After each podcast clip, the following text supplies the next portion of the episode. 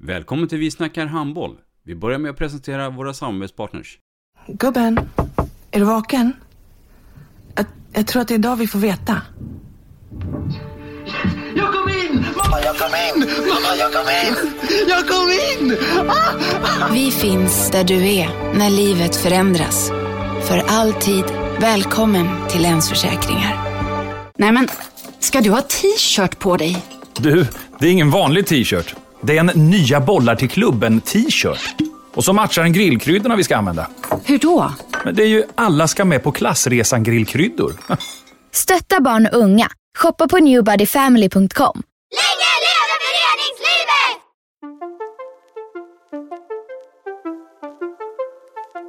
Välkommen säger vi till dig som lyssnar till den nya handbollspodden Vi snackar handboll med Robban Z och Dagge.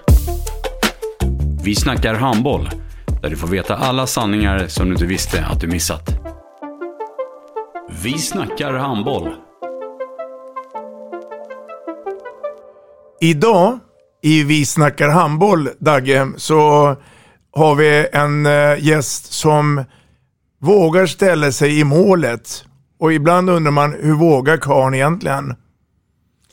Ja, det är underligt. Eh, vi har med oss killen som faktiskt redan i sitt 21-åriga unga liv har vunnit allt man kan vinna, mer eller mindre. Eh, vi har med oss Simon Möller, välkommen. Tack så hemskt mycket.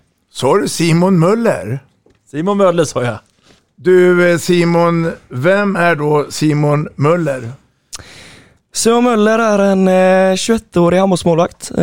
Spelar i Sävehof, gjort det i, i hela mitt liv. Jag började i handbollsskolan där när jag var sex år och ja, född med en handboll i handen. Eh, son till en eh, till både, ja, mina båda föräldrar är forna handbollsspelare. Eh, så att, eh, ja, född i Tyskland. Eh, bodde där tills jag var fyra år. Eh, då pappa var proffs där och sen flyttade han hem till, eh, till Partille och tog med sig familjen. Och sen dess har det varit eh, Sävehof för hela slanten. Har pappa och mamma något någon namn? Peter Möller, Annette Möller heter de. Har det betydelse det där? Knyter an direkt det där? Att du har handbollsspelande föräldrar och pappa var proffs och sådär och... Vad tror du? Har du haft en jättestor nytta gentemot andra 00 som har akademiker som föräldrar? Det är ju svårt att säga, men jag tror faktiskt det. Jag tror att det här med att man ser, att man ser handboll otroligt mycket redan från ung ålder liksom. Att man, eh, ja, man, är, man hänger ju på träningar och i hallen jämt egentligen liksom från att man, eh, från att man är väldigt, väldigt ung liksom. Och det tror jag att man, man lär sig väldigt mycket på liksom. Eh, och hela det här med att bara ha en boll i handen redan från, från ung ålder. Så att det, det är, ja, men jag tror faktiskt att det, det kan vara en fördel. Det, det är nog att liksom det är nog ett tecken på att du ser många liksom, eh, söner till forna handbollsspelare, liksom, att eh, de blir väldigt duktiga och sådär. Det finns ju många exempel liksom. Så jag tror faktiskt att det kan vara en liten fördel, ja. ja, ja. Eh, när du väl började spela handboll, eh, eller började med idrott överhuvudtaget, fanns det några andra alternativ? Eller var det redan tidigt utstakat att jag ska bli handbollslirare? Ja, det var det faktiskt. Jag höll på med, med andra idrotter, men det var ganska korta sessioner och det var mest för att liksom hålla igång någonting annat också. Jag spelade fotboll något år, höll på med pingis. Eh, men, men för mig har det alltid varit handboll som har varit det allra roligaste. Liksom. Hade jag tyckt att någon annan sport hade varit roligare så hade jag valt den, men, men handboll har för mig alltid varit det roligaste. Så att, eh, och du hade fått välja en annan sport för din, dina föräldrar? Absolut, det, det, det hade jag fått. Sen eh, tror jag, de att det, jag tror att de tycker det är väldigt roligt att det, att det blev handboll, eh, mm. såklart. Berätta för oss hur, hur allting började då? Var det så att du var nere när pappa och mamma höll på, eller? Så var det, så var det. Eh, jag tror jag var på min första handbollsmatch när jag var två dagar gammal, eh, eller något sånt där. Eh, då i Tyskland, pappa spelade i eh, Bad Schwartau eh, på den tiden. Eh, så att, ja, som sagt, född med en boll i handen eh, och sen eh, gick ju lasset till Partille då. Eh, då var jag sex, sex år var jag när jag började i handbollsskolan i Sävehof. Eh, och det fick man inte på den tiden. Utan då, på den tiden så, så började man spela i Sävehof eh, i handbollsskolan när man var åtta. Det var då verksamheten drog igång. Numera är det sju år, men då var det åtta år. Och, då, och jag var ju väldigt liksom, jag ville ju börja, börja spela handboll liksom så fort, fort som möjligt. Jag ja, spelat handboll på, liksom, på tomten ända sedan jag var liten så att jag kände att jag, jag ville börja spela och mina föräldrar märkte det. Så att då ringde de till Sävehof och sa att det finns inga möjligheter att våran son skulle börja spela, kunna börja spela redan nu, två år för tidigt då egentligen, mot att eh, vi två eh, tränar laget. Så så blev det. Min mamma och pappa blev, eh, blev mina första tränare, så jag började ju då med pojkar 98, eh, redan när jag var sex år och de var ju då åtta. Eh, så att det är på, på den vägen eh, är det. Hur länge följde du med 98 då? Jag följde med dem tills jag var 13. Eh, då blev ju de A-pojkar då. Och då kände jag att nej, nu är det, och så var det faktiskt så att då började jag med pojkar 99, när de var B-pojkar.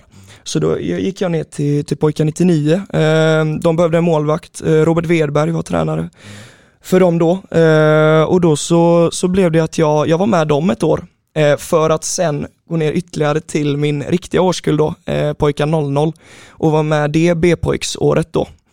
Eh, så att, eh, ja, och sen har jag varit med liksom i 00-kullen hela, hela vägen då. Var det självklart att du skulle stå i mål? Egentligen inte. Jag spelade ut eh, ganska länge ändå. Jag, jag, stod ju, jag stod i mål med pojkar 98. Eh, gjorde jag. Men sen så var jag med eh, pojkar 00 ibland för där var ju mina klasskompisar och sådär så jag ville ju vara med där också. Eh, så jag var med dem och då spelade jag på 9 meter. Eh, så jag har ju fått med mig det också kan man säga. Eh, men jag har ingen riktigt bra historia hur det, varför jag blev målvakt eller så. Jag bara, jag stod på någon träning och så gick det väl bra liksom och så tyckte jag det var kul. Eh, så att eh, helt självklart var det nog inte att jag skulle bli målvakt, men det var det som var roligast. Dagge, när Simon berättar att mamma och pappa var hans första tränare, är inte det en riktigt svensk äkta klassik, klassiker när det gäller idrottsrörelsen? Att mamma och pappa fungerar som tränare i början? Jo, ja, men jag skulle nog vilja påstå att eh, utan den typen av ideellt arbete så skulle ju inte den svenska idrottsrörelsen överhuvudtaget existera. Liksom. Det, det är ju en, ett grundfundament för att svensk idrott ska fungera. Att, att eh, ideella föräldrar eh, är med de första åren eh, med sina barn och andras barn naturligtvis också. Mm.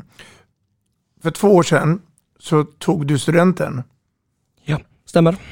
Um, och du är 21 år nu och du har vunnit allt. Vi har pratat i sju minuter. Vi skulle i princip kunna lägga ner här. Du- har hunnit med allt. Men om vi backar tillbaka lite grann mer. Grundskolan och sen gymnasiet där då.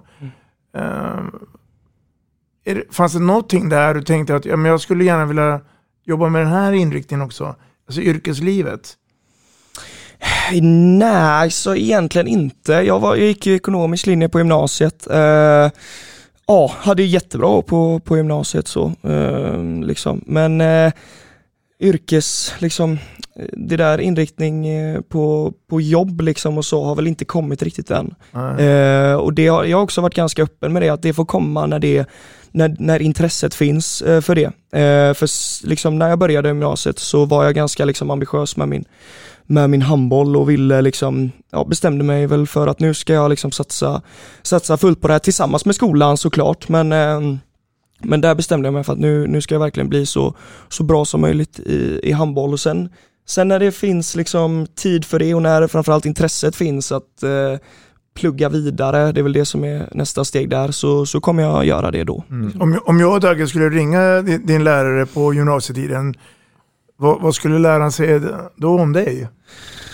Eh, en ambitiös kille när han väl vill, tror jag. Eh, ganska sådär, tror jag eh, den där läraren hade sagt att eh, ja, jag, var, jag var väldigt ambitiös när jag väl tyckte det var kul. När jag tycker något är kul, då är jag otroligt ambitiös och vill då, då vill jag verkligen göra saker som Hur jag ofta tycker är var roligt. skolan kul då? Ja men några ämnen var roliga ändå, tycker jag. Jag var väldigt intresserad av psykologi till exempel. Samhällskunskap tyckte jag var jätteroligt på gymnasiet. Så jag hade höga betyg i de ämnena. Eh, sen var det andra ämnen jag tyckte var mindre roliga och då var jag liksom inte lika ambitiös. Då tyckte jag det var tråkigt helt enkelt. Ehm, så det, det hade nog min lärare sagt om mig tror Men jag. apropå det här med studier och kombinerat med handboll. Du är ju, du är ju heltidsproffs eh, i Sävehof, eh, kan man ju säga då. Eh, om du hade velat, eh, skulle du vara tillåten av IK Sävehof att studera 100% eh, parallellt med eh, handbollen? Ja, absolut. Det, vi har många exempel på det laget som, eh, som pluggar och det funkar jättebra. Eh, Det är det är någon morgonträning i veckan de, eh, de inte kan vara med på, men då tar de det när de har tid. Mm. Så det hade absolut funkat. Och om vi tar den eh, liksom grejer med att studera samtidigt som man spelar så var jag, jag gick ju på Katrinlundsgymnasiet och det är väl det bästa exemplet på att det faktiskt går att kombinera eh, med liksom eh, elitidrott på hög nivå. Jag fick ju chansen redan eh, i tvåan på gymnasiet då. Eh, så fick jag chansen i, i herrlaget och då är man borta en del liksom. Man behöver gå tidigare från, från skolan eh, och där är ju liksom ett sånt elitidrottsgymnasium som Katrinlund var ju väldigt mån om att det ska funka liksom, att, att kombinera det. Så att de satte ju in liksom extra, extra lektioner för mig så att jag kunde liksom vara med på, på alla träningar, alla matcher, alla möten och så vidare. Som ett, som ett herrlag har till skillnad från, från ett juniorlag då. Eh, så det är jag ändå väldigt tacksam för, för annars hade det nog gått ännu sämre tänkte jag säga, men det, annars hade det nog inte, inte blivit så bra liksom. Men det gick att kombinera väldigt bra tycker jag. Ö- överlag då, alltså det här med eh, NIO-gymnasium och riksgymnasium. ehm, vad, tänker du tycker om det? Är, är det bra att ha eller är det mindre bra att ha? Jag tror att det är väldigt individuellt tror jag. Jag tror att för, ja men för vissa funkar det, för vissa blir det för mycket helt enkelt. Eh, och det är liksom inget att, att liksom sticka under stol med att det är väldigt mycket träningar. Det, det ställs höga krav på en rent liksom vad man vill med handbollen eh, redan när man börjar på gymnasiet. Eh, men vill man det liksom tillräckligt mycket och är liksom ambitiös så, så är det inga problem. Jag liksom är, kommer nog alltid vara evigt tacksam för vad jag fick liksom på skolan och hela liksom fysbiten kanske framför allt med liksom den hjälpen man får där liksom på, på Katrinelundsgymnasiet och även med liksom alla handbollsinstruktörer som är liksom, ja det är ju högsta klass i, i Sverige vad jag tycker på Katrinelund i alla fall. Så det kommer jag nog vara, vara evigt tacksam för. Men för vissa blir det, blir det helt enkelt för mycket tror jag också. Så det är nog väldigt individuellt tror jag. Och ni hade eh, speciella målvaktsinstruktörer på Katrinlund också som jobbade med er målvakter förstår jag. Ja precis, det var ju Fikret Handan då som jag hade i, i klubben också. Eh, Så att jag fick ju bara ännu mer tid med honom vilket jag är otroligt tacksam för. Så att det var, eh, det var fina tre år, absolut. Kände du någon gång under de här tre åren att nu är det på gränsen att det kan bli mycket? Eller, eh, eller kände du ändå att du, du hade kontroll på läget? Ja men det var liksom några veckor där man kände att nu är det otroligt mycket. Och det var ju framförallt när det började då när jag började, blev uppflyttad till, till herrlaget i tvåan på gymnasiet. Och då är det liksom väldigt mycket resor också. Eh, och det tar mer på en än vad man tror liksom. Och då var det liksom Ja men det var, det var sena matcher liksom, Hammarby borta, komma hem sent, upp där nästa dag liksom eh, till skolan. Och det är inga problem att liksom fråga om, om ledigt så till en morgonträning. Men det är hela det här med att man ändå ska upp till skolan och, och sådär och så träning på det igen och sen skolträning och så att vissa veckor är det, är det jobbigt såklart men det hör också till eh, någonstans att, att ha det lite tufft ibland om man, om man verkligen vill det. För att jag tror att det, nej, jag tror verkligen bara att det, att det hjälper. Att man blir mer förberedd på, på liksom seniorverksamheten och så mycket träning. Jag tror jag på ett, eh, på ett eh, idrottsgymnasium än, än annars. Det tror jag. Du säger att du eh, blev, eh, du blev upplockad när du gick i tvåan på gymnasiet till A-lagstruppen. Mm. Var du alltså inte med då när den säsongen startade i truppen? Nej, precis. Hände det Utan- något med någon av målvakterna eller?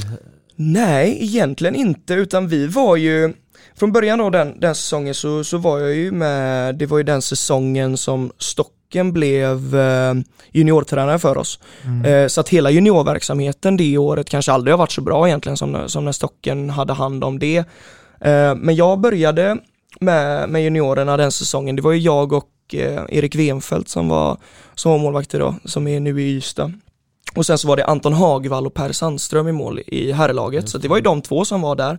Eh, men sen så, eh, dåvarande eh, herrlagstränare Robert Wedberg, eh, hade, ja, jag hade ju haft han tidigare.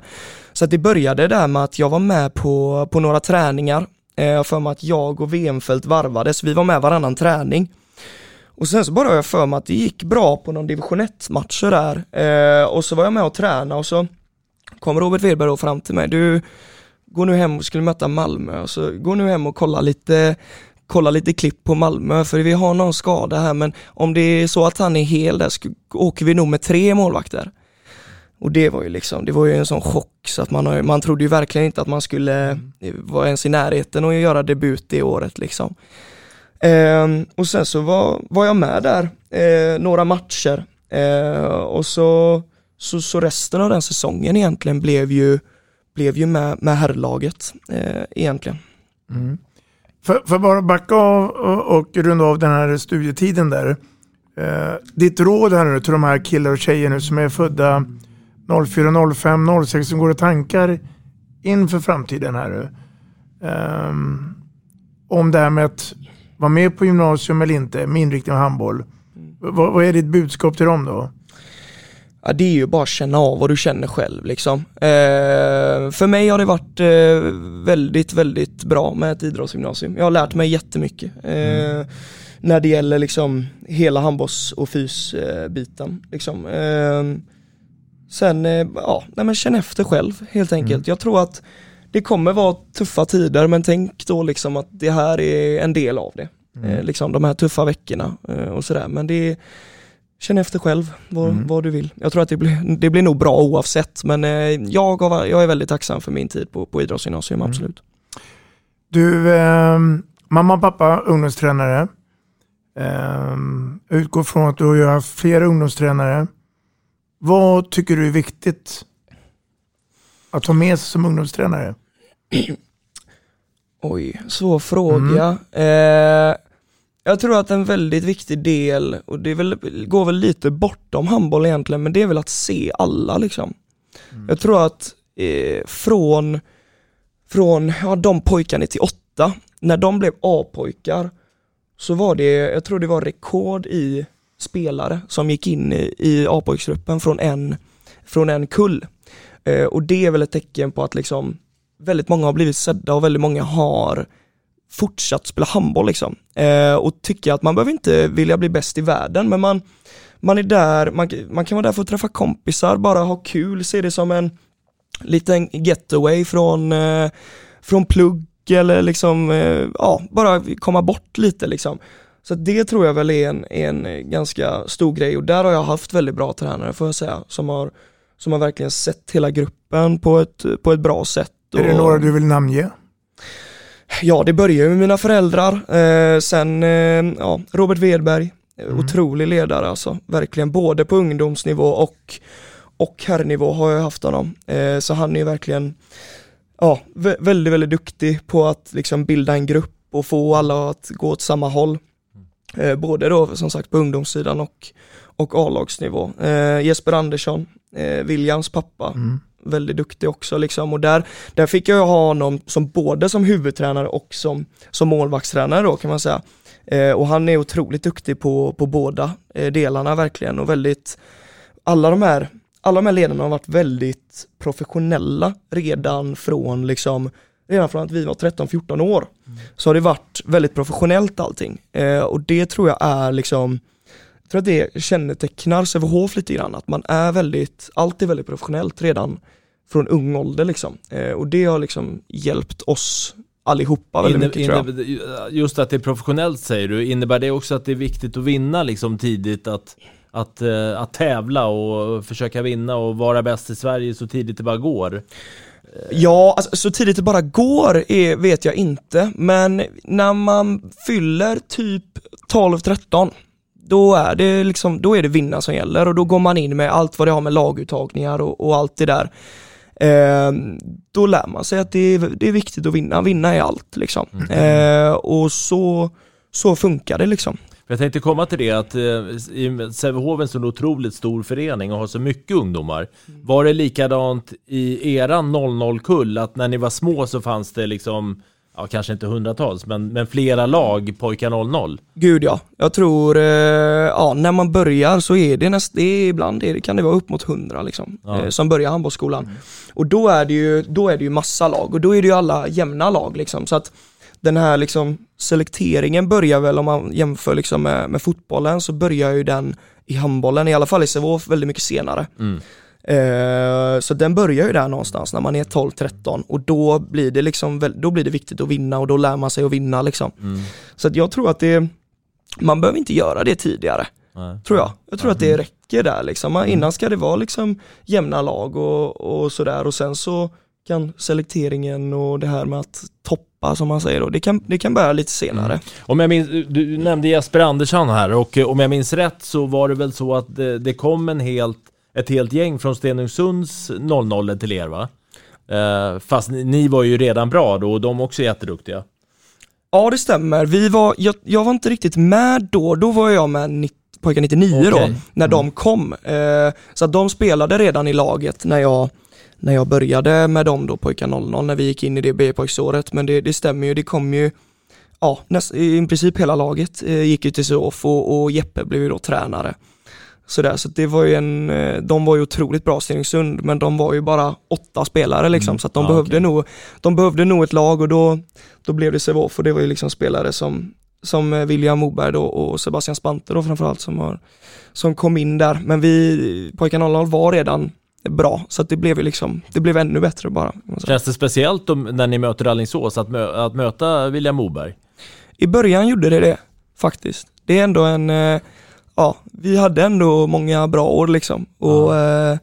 ja, lärde känna varandra väldigt bra. Så att i början var det faktiskt lite, det var lite, det var lite märkligt hela, hela grejen faktiskt att, att möta honom. Men nu är det ju liksom inget, nu är ju han Alingsås-spelare sen, sen långt tillbaka. Men jag tycker fortfarande att det är väldigt, det är väldigt roligt att möta honom faktiskt. För det är lite, det är ändå fortfarande lite samma spelare som när han var liksom 14-15 faktiskt. Det är alltid lite bättre bara, men det är väldigt mycket samma spelare. Det är det. Mm. Dagge, vad, vad får du för intryck av eh, Simon, 21 år, så här långt? Eh, nej, men eh, jag får intryck av en, en verbal och vaken kille eh, faktiskt. Jag har ju bara, jag har aldrig träffat dig så på det här sättet förut, utan bara sett dig på handbollsplanen och sådär. Och eh, där visar ju du otroligt mycket känslor och attityd och det känns som att du verkligen, verkligen är en inspirationsmänniska. Eh, Medan när vi sitter så här och pratar så är det liksom som vilken 21-åring som helst. Ja. Känner jag. Simon, ungdoms-SM, 14, 16, 18 år. Det är tre åldersklasser. Ta oss igenom de här tre tävlingarna.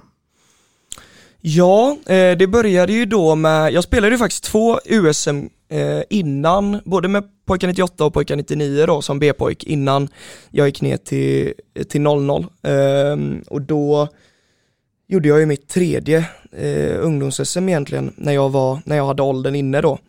Eh, ja, det var ju ett otroligt år liksom. Vi hade ju ett väldigt, väldigt bra år. Hela våra 00-kull var ju väldigt, var ju väldigt, väldigt duktig. Eh, så det var, ett, det var ett fint år och det blev, eh, det blev ett B-pojksguld där eh, som krönte säsongen.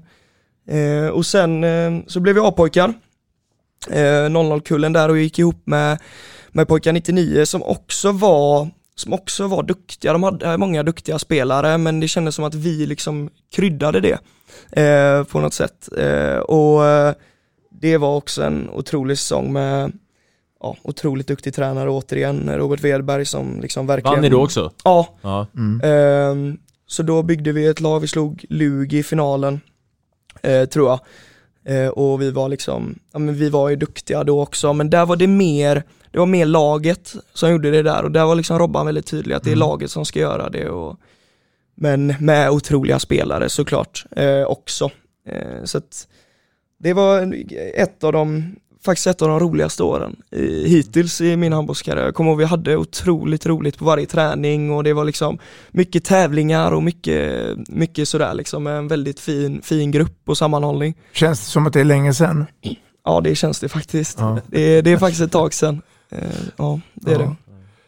Ja, spännande faktiskt. Eh, Eh, roligt. Ja, nej, men precis. Och, du har ju varit inne på det här att du debuterade väldigt tidigt i A-laget. Det är ju lite ovanligt som målvakt egentligen, liksom att, att redan som eh, eh, andra år på gymnasiet, vad är man då? Då är man första års junior va? Ja, jag var 17 år. så. 17, ja, precis. Och det är, ju, man, det är ju nästan som man får gå tillbaks till eh, Thomas Svenssons tid liksom. Eh, jag tror han var 15 i och för sig när han debuterade i Guif där för länge, länge, länge sedan.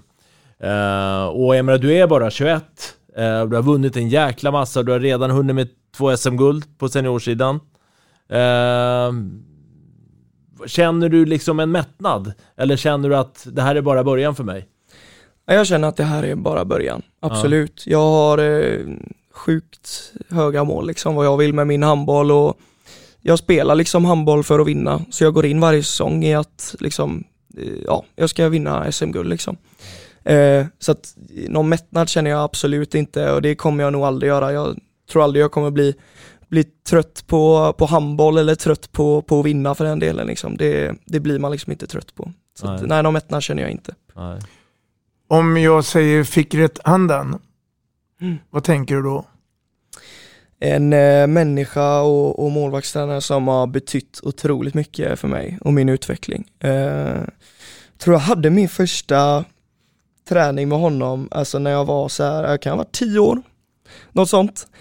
Eh, och ja, har jag haft han i, i tio år. Eh, nu bytte vi målvaktstränare inför i år, men ja, i tio år av av fickret som målvaktstränare så att han har ju betytt liksom allt för mig och jag kommer vara e-, evigt tacksam över, över vad han har gjort för mig i min liksom, ja men både, både som målvakt och som människa tror jag.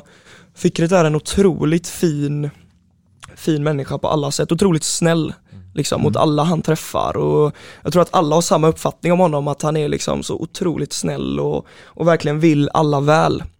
Eh, så att han eh, har betytt otroligt mycket för mig alltså.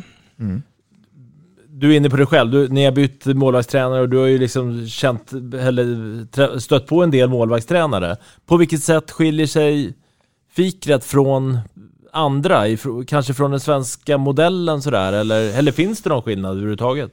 Ja, men det finns det. Om man ska jämföra då Fickret med, med den målvaktstränare vi har nu så är det mer Fickret är mer teknik och att få ett grundspel liksom.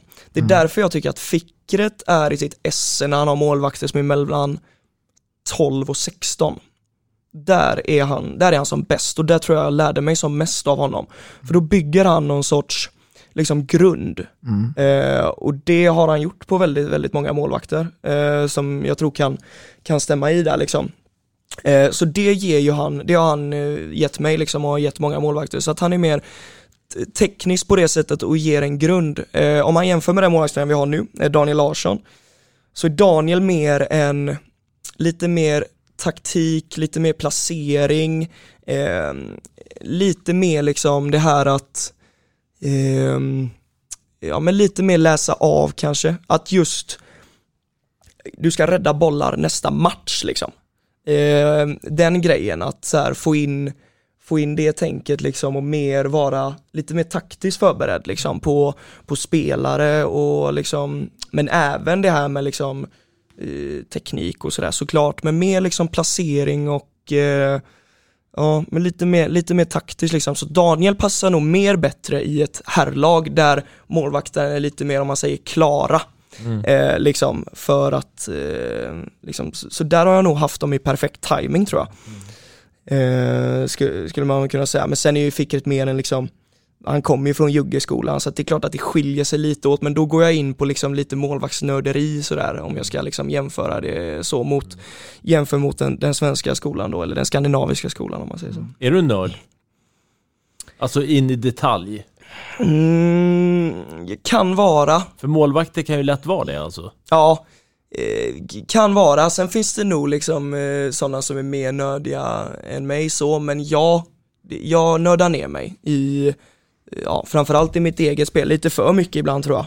Eh, där jag liksom kollar, ja, kan ju sitta och kolla på träningar liksom efter flera dagar i veckan och liksom vad gör jag här och vad, vad tänkte jag där eller vad Ja, ni filmar träningar? Ja precis, vi har ett sånt eh, Spideo heter det. Som är liksom, vi har fyra olika kameror i arenan. Så vi kan få olika vinklar och sådär också. Faktiskt väldigt bra system. Så då kan vi sitta och kolla på, på träningar i efterhand. Så det är många som, som tar vara på det redskapet faktiskt, är väldigt bra. Mm.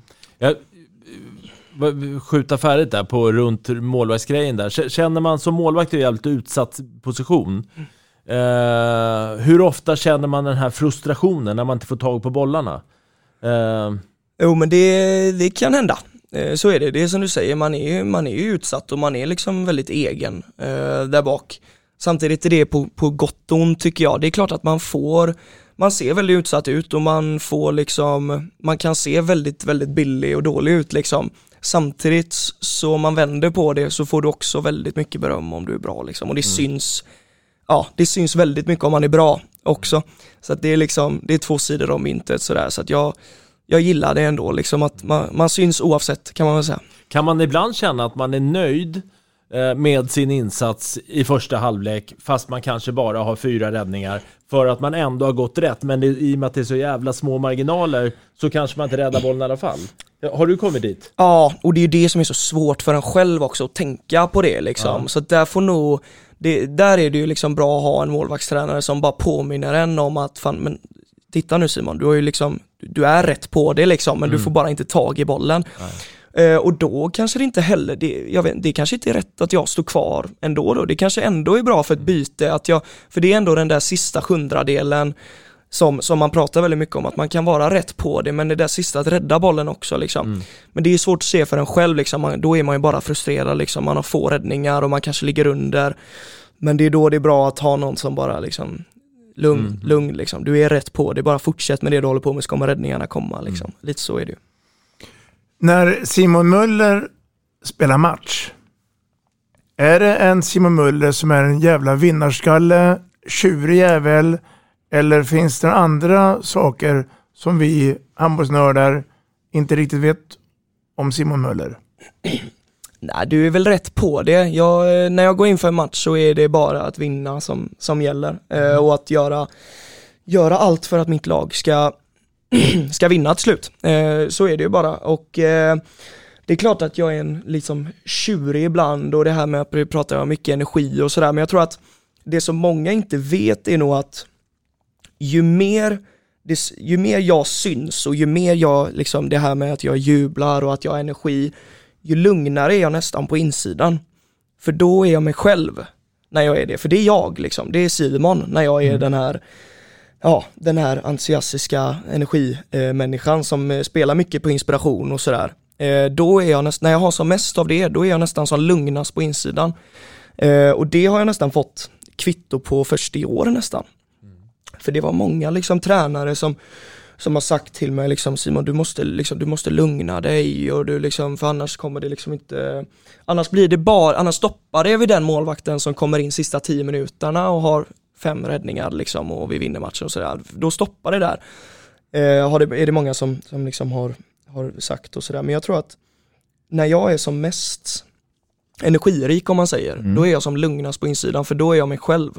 Eh, och då Men har du går det fått ofta som bäst. de ledare som har sagt det åt dig att eh, Simon du måste lugna dig lite liksom. Har du fått dem att förstå precis det här du säger till oss nu? Att jag är lugn på insidan när eh, det ytliga visar någonting helt annat? På senare år ja. Ja. Då har de, eh, då har de liksom eh, känt av det. Och jag tror att i, i liksom eh, de bästa ledarna jag haft har verkligen sagt det, att du ska vara dig själv. Jag kommer ihåg att eh, under mitt första år då så hade jag varit med någon match med, med herrlaget, vi hade förlorat mot Luga och var väldigt besviken för jag hade kommit in i, i första halvlek under tio minuter och det hade inte gått någon bra liksom. Och sen så hade jag kommit in, vi hade ett möte dagen efter och så satt, så var det jag först dit. Eh, och så var det bara, det var bara Robban där då eh, så sa han bara, ja, det gick inget bra senaste jag bara, nej sorry liksom han bara, men du, varför var du så lugn för? Så nej jag vet inte, jag bara kände att det var det var bäst så, jag vill inte ta för stor plats liksom. Och då sa han liksom, är du inte det själv så vill jag inte, då ska du inte vara med liksom. Då behöver du inte vara med om du inte är det själv. Och de orden har faktiskt liksom svetsats fast liksom att De hänger eh, med. Ja men de har faktiskt hängt med, att jag, jag ska vara mig själv. Eh, för att det, det är då det är som bäst och jag, liksom, det är klart att man ska lyssna på tränare och sådär men i grund och botten är det ju faktiskt ännu, ännu mer som målvakt att det är jag som bestämmer vad som funkar bäst, bäst för mig liksom. Mm. Har, har eh, i och med att din mamma och pappa har väldigt mycket kunskaper inom handboll, men har de även kunnat hjälpa dig med de här små detaljerna i målet? Alltså inte rent målvaktstekniskt tror jag, kanske lite liksom och eh, sådär, men mest har det ju varit Mest har det varit att mamma och pappa har kunnat hjälpa mig, för de har liksom varit i alla situationer som jag hamnar i liksom. Mm. Alltså det kan vara både när det går bra, men framförallt kanske när det går lite sämre liksom. Mm. Det här med att eh, Ja men de har ju varit igenom alla de situationerna, eh, så det har varit väldigt många samtal med dem liksom som jag Men å andra sidan så dagens handboll är ju lite annorlunda än på deras tid. Eller? Vad säger ni om det? Ja, vi låter Simon svara. Ja, så är det ju verkligen. Jag, tror, jag kollade på någon kuppmatch här, någon ty- tyska kuppen som pappa är väldigt nöjd att han har vunnit sådär. Ja. Men då var, fick, samlade han ju hela familjen såklart och vi skulle kolla på den här fi- finalen liksom. Det var något jubileum för den nu liksom, 20 år sedan eller vad det var. Och då, eh, då märker man verkligen hur sjukt stor skillnad det är alltså. Det är tempot som är skillnad? Ja, det är ju mest tempot liksom. I liksom det här med alltså, snabba avkast, det fanns ju inte överhuvudtaget liksom. Nej. Och nu är snabba avkast, liksom, det, är enormt, det håller ju alla på med liksom. Mm. Så det har ju utvecklats något, man kan ju knappt jubla, man kan ju inte jubla efter, ett mål nu liksom. Ja men det går ju typ inte liksom.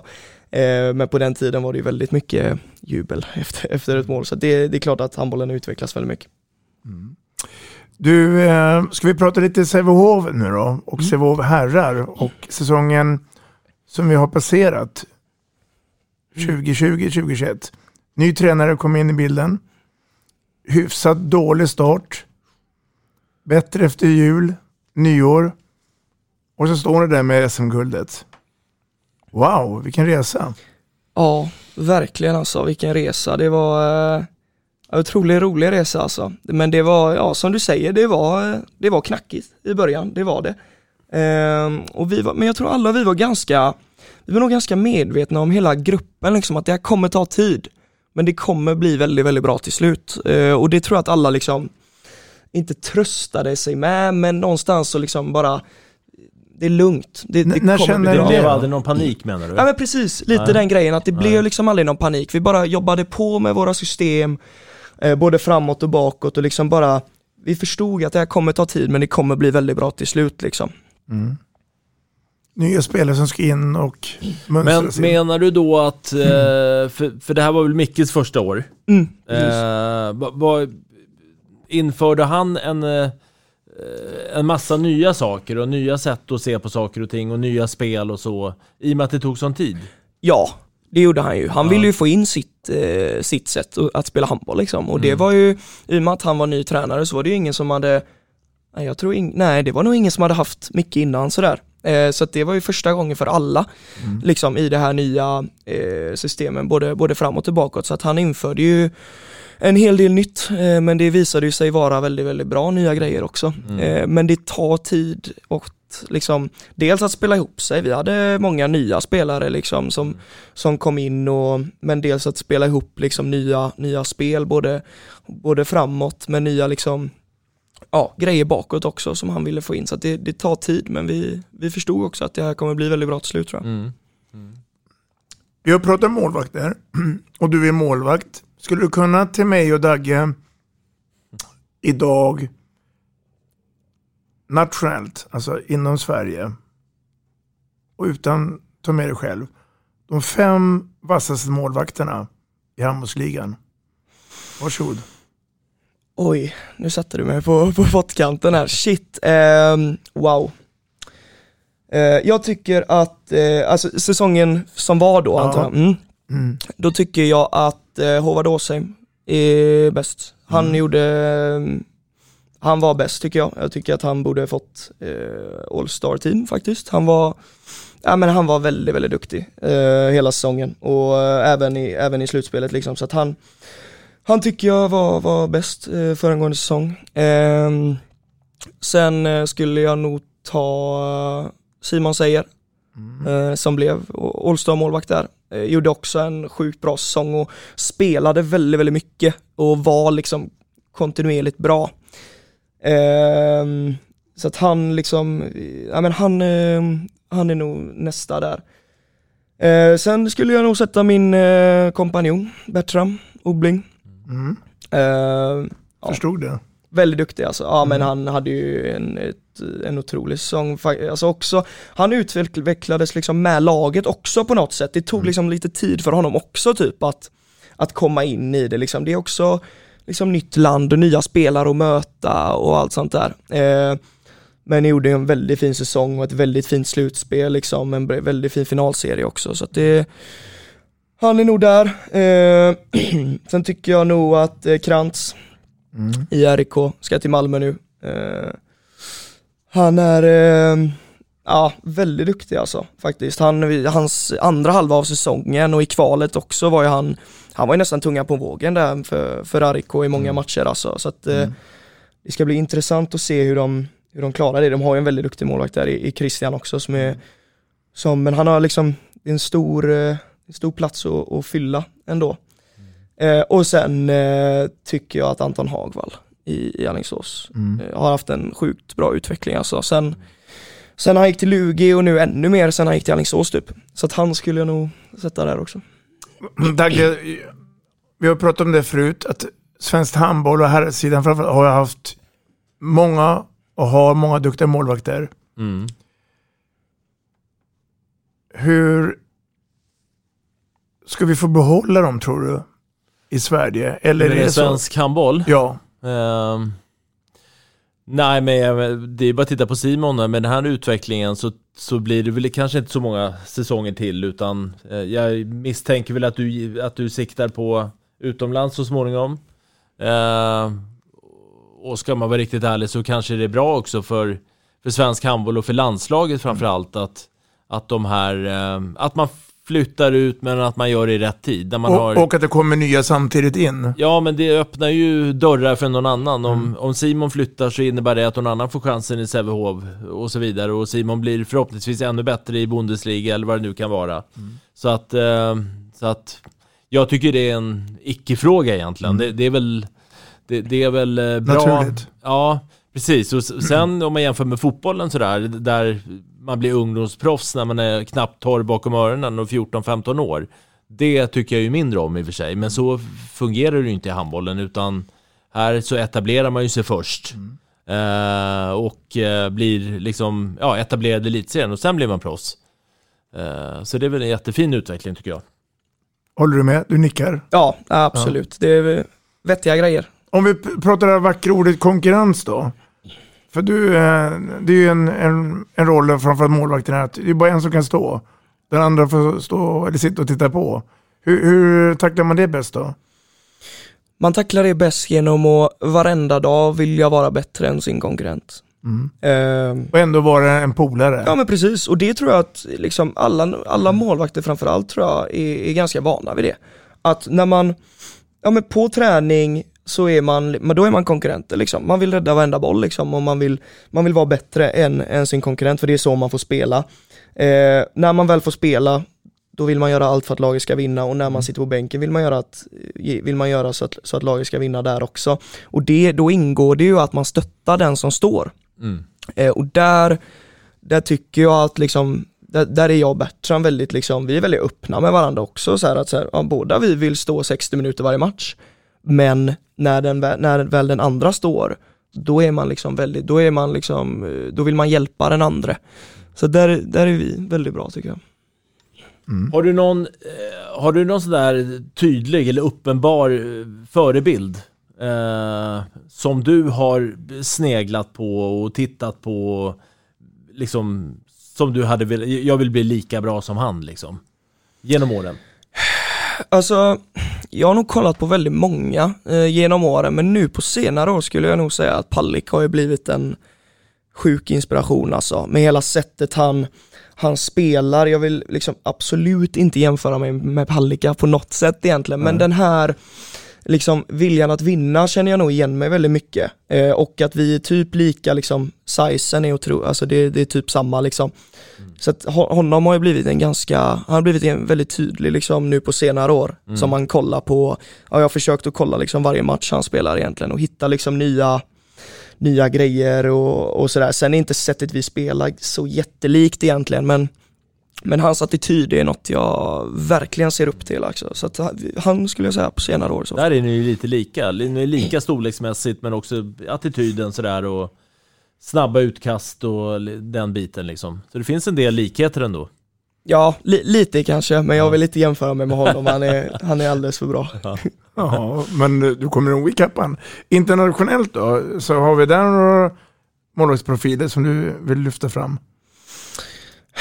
Alltså, det, är väl, det låter väl tråkigt men så här, Landin är ju liksom nu, alltså de senaste fyra, fem säsongerna så har det ju nästan känts så när man kollar på både danska landslaget och Kiel så har det ju varit att han, han räddar när han vill vissa matcher liksom.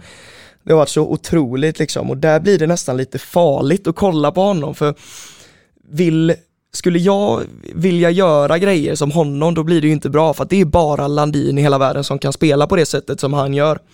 Eh, så det blir farligt om man har sett en bra, en bra Landin-match. Då vill man liksom, träningen efter då vill man göra samma grejer som honom.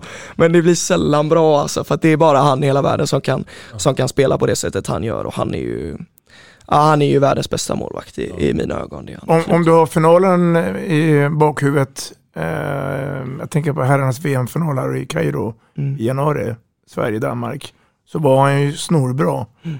Eh, var det avgörande tror du? Ja, gud ja. Det är, ja, men han steppar ju upp i den matchen när han, när han behöver och det är ju det som kännetecknar de, de riktigt bra målvakterna tycker jag och det är de liksom, man brukar ju kalla, det har ju blivit lite Omayer grejen för han gjorde ju liksom typ alltid det liksom, att han var, han var alltid bäst när det gällde. Mm. Punkt liksom. Och jag tror att det är det som så här, det är det som skiljer agnarna från vetet lite grann att så här, ja man kan vara bra liksom under en säsong och sådär, men när det väl gäller liksom i ett slutspel, i de avgörande matcherna och att ha rätt räddningar i de matcherna, det är de målvakterna som, eh, som, som blir de riktigt, riktigt bra målvakterna tycker jag. Du var inne på Robban Wedberg, var en bra ledare, få ihop gruppen och det. Eh, när den här podden görs med dig nu så är det ju bara några dagar innan OS börjar. Kommentera gärna Glenn Solberg att ta in en norrman in i Sverige? Ja, jag fick ju förmånen att, att vara med honom en, en vecka där eh, på, på Plaitas. Och faktiskt nu, du pratar om Robert Wedberg, de är väldigt lika mm. i sitt ledarskap. Och jag, det är många jag har pratat med som har haft båda då, eh, framförallt eh, Jonathan Edvardsson som också tar upp det, de är faktiskt väldigt lika i sitt ledarskap, det är otroligt, otroligt strukturerade, eh, liksom vet vad de vill göra. Men också det här med ja, men väldigt, väldigt mån om gruppen. Få alla att dra åt samma håll. Eh, av det jag eh, tog in liksom av honom att så här strukturerad, mån om gruppen eh, och eh, ja, men, ja, väldigt, väldigt bra ledare och tar in liksom hela tar också in, det tycker jag man ser så här, det, alltså i timeouter typ, att han har liksom ja, det är inte, det är inte liksom nödvändigtvis Glenn som ska prata utan han tar in liksom Bokvist där och Gotte som styr hela anfallsspelet egentligen och det var Robban också väldigt bra på. Så där är de också väldigt lika faktiskt. Om vi ändå pratar ledarstilar, så dina två senior-SM-guld med Sävehof, mm. så har ju det ena då varit en ganska tydlig stämpel av Stocken. Mm. Eh, och årets SM-guld Micke Appelgren. Mm. Eh, hur skulle du säga att, finns det likheter eller är de totalt olika? Eh, både och skulle jag säga. Eh, de är lika på det sättet att eh, vinna i allt för båda. De är otroliga vinnare båda två alltså. De, är, de hittar liksom sätt att vinna om det är på att på att psyka någon, om det är på att något taktiskt drag här och där och där är de båda väldigt, väldigt duktiga alltså. Otroligt handbollskunniga båda två. Eh, så det är, väl det, det är väl det som liksom kännetecknar dem, att otroligt handbollskunniga men vinnare båda två. Mm. Eh, och liksom vann ju SM-guld båda två, så där, där är de väl lika. De skiljer väl sig åt lite på att Stocken är väldigt liksom hetlevrad och väldigt liksom, alltså i sin kommunikation är han väldigt, eh, dels rakt på och ärlig men han tar det liksom, ja men man kan ju få sig en utskällning liksom. Mm. Eh, och där är väl, det Även du har fått en utskällning? Ja, gud men det har väl alla liksom så. Men, eh, men det, är väl på, det är väl på gott liksom. Han vill ju bara gott, han vill ju vinna liksom. Så att, eh, och, och sådär. Eh, och sen, eh, sen Micke är väl mer liksom, han är lite mer lugn och sansad. Det är också, också ärlig mot sina spelare. Det är en Micke, eh, absolut. Och det är också på gott liksom. Jag kan uppskatta det ändå. Det är värre med tränare som liksom ska ska liksom runda en på, på, på olika sätt liksom. Man, då får man hellre sanningen liksom oavsett om den är positiv eller, eller negativ liksom. Så där är de väl, de är också lika med det liksom att de, att de är ärliga och rakt på men man får det lite olika, olika decibel kan man väl säga, kan man väl säga där med, med de två. Micke är väl mer lugn och kan säga det i en, i, i en lugn och sansad ton. Ja. Eh, I så fall den, den feedbacken liksom. Eh, men de är båda väldigt, väldigt duktiga tränare alltså absolut. Dagge var ju inne på det, att han tror, och jag hänger ju med på den resan, att vi kommer förmodligen se Simon Möller utomlands. Det är bara frågan när, eh, inte om. Eh, är det någonting du känner att du vill ventilera och kunna avsluta att så här kommer förmodligen att se ut de närmaste åren? Vad går resan åt för håll? Det är för svårt att svara på. Jag vet, eller jag har två år kvar med Sävehof. Eh, skrev... Har du agent? Mm, jajamän. Eh, Jag skrev två nya år nu eh, med Sävehof och det är väl det, det är väl det jag vet. Eh, liksom. eh, om det blir bara två år eller om det blir tre eller fyra eller fem och det, det vet jag inte och vad det än skulle, skulle ta vägen efter det, det, det är för tidigt att svara på. Det jag vet är att jag trivs väldigt bra i Sävehof och jag är väldigt liksom, nöjd med det beslutet att jag skrev två nya år där. Så att, eh, det är väl det jag vet. Nu blir ni ett jagat byte. Handbollsligan eh, vill ju besegra Sävehof. Vad är det som säger att ni kommer att vinna ytterligare ett guld våren 2022? Jag tror det är att vi blir ännu bättre. Jag tror att vi, eh, vi får liksom inte, och det tror jag inte vi kommer vara heller, men vi får liksom inte vara nöjda med det här, Eh, tror jag, rent liksom spelmässigt. Vi måste hitta sätt att bli bättre, för det är som du säger, det, vi, vi är jagade nu och, och alla vill slå oss liksom, så att vi, vi måste hitta sätt i, i vårt spel att liksom eh, bli ännu bättre, göra ännu mer mål, släppa in mindre mål. Eh, det tror jag blir nyckeln liksom, att vi inte blir bekväma i det här och bara nu, ja men det gick ju bra nu och vi vann guld och liksom dittan och dattan utan vi måste bli ännu bättre för att alla andra, kommer lag, alla andra lag kommer bli, kommer bli ännu bättre. Så att vi måste hitta sätt att bli bättre, det, det är nyckeln. Ja, eh, det blir spännande att följa. Eh, knyter an lite grann till familjen igen. Eh, brors, lillebrorsan din, född 02, eh, gjorde ju egentligen dundersuccé den här säsongen. Var han med från allra första början i truppen egentligen? Eller var det som du, att han kom in mitt i? Han var med, eh, han var även med lite förra säsongen och var med på bänken lite grann, men han var faktiskt med i, han var med i truppen, men var ju fyra på positionen egentligen. Han hade ju Brännberger, Blanche och Westergren eh, framför sig och fick ju inte spela någonting egentligen fram tills in i november där, eh, ja Klippa försvann ju med, med sin corona eh, och vi hade nå- någon skada till och så fick fick Felix chansen och sen så fick han chansen från start. Jag tror han startade första matchen i november någon gång, Alingsås borta och sen dess har han startat varje match eh, för oss liksom. Så det är ju sjukt häftigt hela, hela hans utveckling. Man har alltid liksom, man har ändå vetat på något sätt att han eh, skulle klara det. Eh, men så här bra liksom, att spela, ja men spela fram bak liksom i ja, mellan 45 och 60 minuter varje match egentligen som, som det har varit och att han har blivit en han har ju blivit en av våra allra viktigaste spelare i mina ögon liksom på det, på det sättet han han spelar liksom bo, båda vägar liksom. Eh, så att han eh, har haft en otrolig utveckling så att det var nästan man blev lite chockad att han, att han klarade det så pass bra ändå på, på seniornivå, det, det blev man faktiskt. Kommer vi få se dig som målvaktstränare på sikt? Det hoppas jag. Eller kommer du satsa på golf eller paddel? ja det med, men eh, nej jag, jag hoppas eh, verkligen att jag eh, ska bli målvaktstränare efter karriären. Det är, för det är något jag, det är något jag brinner för liksom och jag mm, tror liksom att jag hade haft liksom mycket att, att tillföra liksom till dem. Det är något jag tycker är kul också, bara så här att vara nere på någon träning med liksom lite yngre och sådär, är något jag verkligen tycker är roligt. Får du sådana samtal idag? Att kom ner till på, på Kanal 9s träning eller? Ja. ja. Och det är otroligt kul alltså. Det är verkligen att se liksom unga målvakter där man själv har varit liksom och man visste hur mycket det Alltså man vet ju hur mycket det betydde liksom då på, på min tid när jag var där och typ Peter Johannesson var det ju då som man såg upp till jättemycket liksom. Eh, så det är något man, man gärna vill ge tillbaka både till dem och till, till föreningen. Dagge och jag har ju funderat på en sak som kanske du kan ha ett svar på.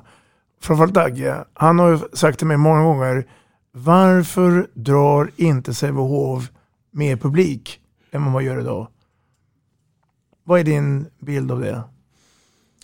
Ja, den eviga frågan någonstans på de senaste, senaste åren i alla fall. Jag tror att många är nog ganska, vi är inte, om man jämför med Kristianstad, Ystad, Allingsås och de här, så är inte vi de liksom stjärnorna i byn. Om man säger, för att det är så pass många som vi nämnde innan att det kan ju vara hundra stycken som börjar handbollsskolan. Så att alla, liksom, både de här ungdomarna och föräldrarna till de här ungdomarna är, har liksom en anknytning till Sävehof. Mm. Och då blir inte vi de här stora stjärnorna och namnen tror jag som man vill komma och kolla på. Det är bara en teori som jag har, som, som till exempel Kristianstad och Ystad liksom framförallt. De är ju liksom, de är ju väldigt stora. Mm. I, Ja, jag förstår vad du menar, att liksom Kristianstads liksom. spelare har ju inte vuxit upp i Kristianstad sedan barnsben. Men det har ju Simon gjort och Larholm och många fler med dem. Liksom. Men, att, men då går jag tillbaka till eh, Andreas Stockenbergs eh, uttalande. Han säger ju att Sävehof har ju flera medlemmar än vad det är invånare i Alstermo. Vad är det som säger att ni inte kan få dit dem? Ja, Nej, jag håller med. Det är, och det är väl en eh, liksom, det är väl en fråga till, eh, till kansliet liksom. Eh, Jag vet att det har varit på tal och skulle göras. eh, Vi tog in en, en ny anställd i år som skulle hålla på med som har, som har liksom hand om, om sociala medier. Jag tycker att våra sociala medier har gjort ett jättelyft i år, bara på grund av det. Så att det, det finns ju jobb att göra, men jag, jag tror faktiskt att det är det är på gång. Nu när det är liksom, corona är över, man får äntligen se livehandboll. Vi är lite mer, eh, ja men vi är lite bättre. Alltså vi har precis vunnit guld, så jag, jag tror att det kommer, det kommer nog komma mer publik. Det kan ju också vara så att eh, ett, att eh, man kan titta på webb-tvn. Det kan också vara, som jag tror mest, att invånare i Partille och dess omnejd är rätt bortskämda. De, de vet vad de, vad de får. Och de kommer förmodligen när det drar ihop sig. Jag tänker på slutspelet. Mm. Ja ja, alltså i slutspelet har vi, tycker jag, handbollsligans bästa publik. Mm. Och bästa klack. Mm. Det, det tycker jag. Eh, Men det är ju det här under grundserien, liksom, att, Mm. att få dit dem och det, det kan nog ha mycket med det att göra. Att Sävehof-publiken är lite, är lite bekväma liksom, framförallt, eh, nu hade ju herrarna några tunga år innan vi vann där 2019, men damerna har ju gått liksom, ja, det, det är ju final varje år förutom i, i år då, men Ja, man, man vet liksom vad man får som du säger eh, av Sävehof och det kan, det kan vara lite den grejen ja. Simon, eh, tiden börjar rinna iväg ser vi här på, på klockan. Eh, jag skulle vilja åtminstone personligen få ställa en sista fråga till dig. Och det är, om fem sex år, var befinner du dig då? I din karriär? Eh, då är jag förhoppningsvis i eh, ett, eh, ja men Bundesliga, säg det. Det är väl eh, drömligan liksom, eh, för mig i alla fall. Eh, och det är lite, knyter väl an lite till att jag är född där uppvuxen där och pappa har spelat där och, och lite sådär. Så att det, om, ja, i en drömvärld om 5-6 år så, så spelar jag Bundesliga. Har du redan nu fått alltså, lösa förfrågningar via din agent eh, från ut, utländska klubbar? Ja, lite lätt, men det har inte varit eh, Inget konkret kanske? Ja, men inte, det, det har inte varit så pass att jag ska liksom eh, tycka det var bättre än Sävehof där jag har det just nu. Så kan man säga. Nej, Mm. okej. Och, och skulle du kunna tänka dig att spela i samma lag då med eh, lillebror?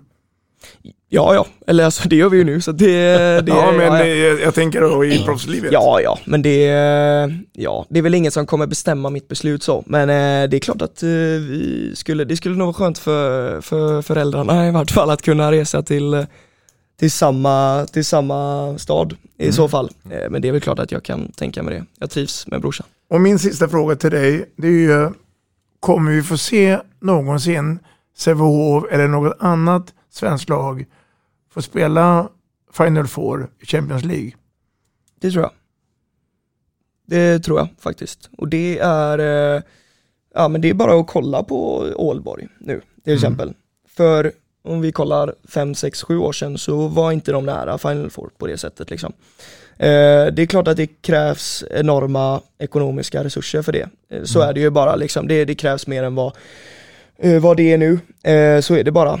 Och det, men det, det tror jag. Det, jag tror att möjligheten finns men det behövs ju liksom det, det behövs ekonomi för det då också. Men jag tror att det, det går om man bara, om man bara vill ha kompetens och, och ekonomi då som sagt så går det. Simon Möller, tack för din medverkan i Vi snackar handboll. Tack själv. Ja, jättetack. Det ska bli otroligt kul att följa din karriär här framöver. Eh, spännande. Tack. Tack, det var väldigt, väldigt roligt att vara med, verkligen. Vi snackar handboll, där du får veta alla sanningar som du inte visste att du missat. Vi snackar handboll. Vi snackar handboll produceras av produktionsbolaget High On Experience, från vision till passion. Ett avslutande tack till våra samarbetspartners. Hallå! Kommer ni eller? Ja, ja. Har du sett mina ankelsockar?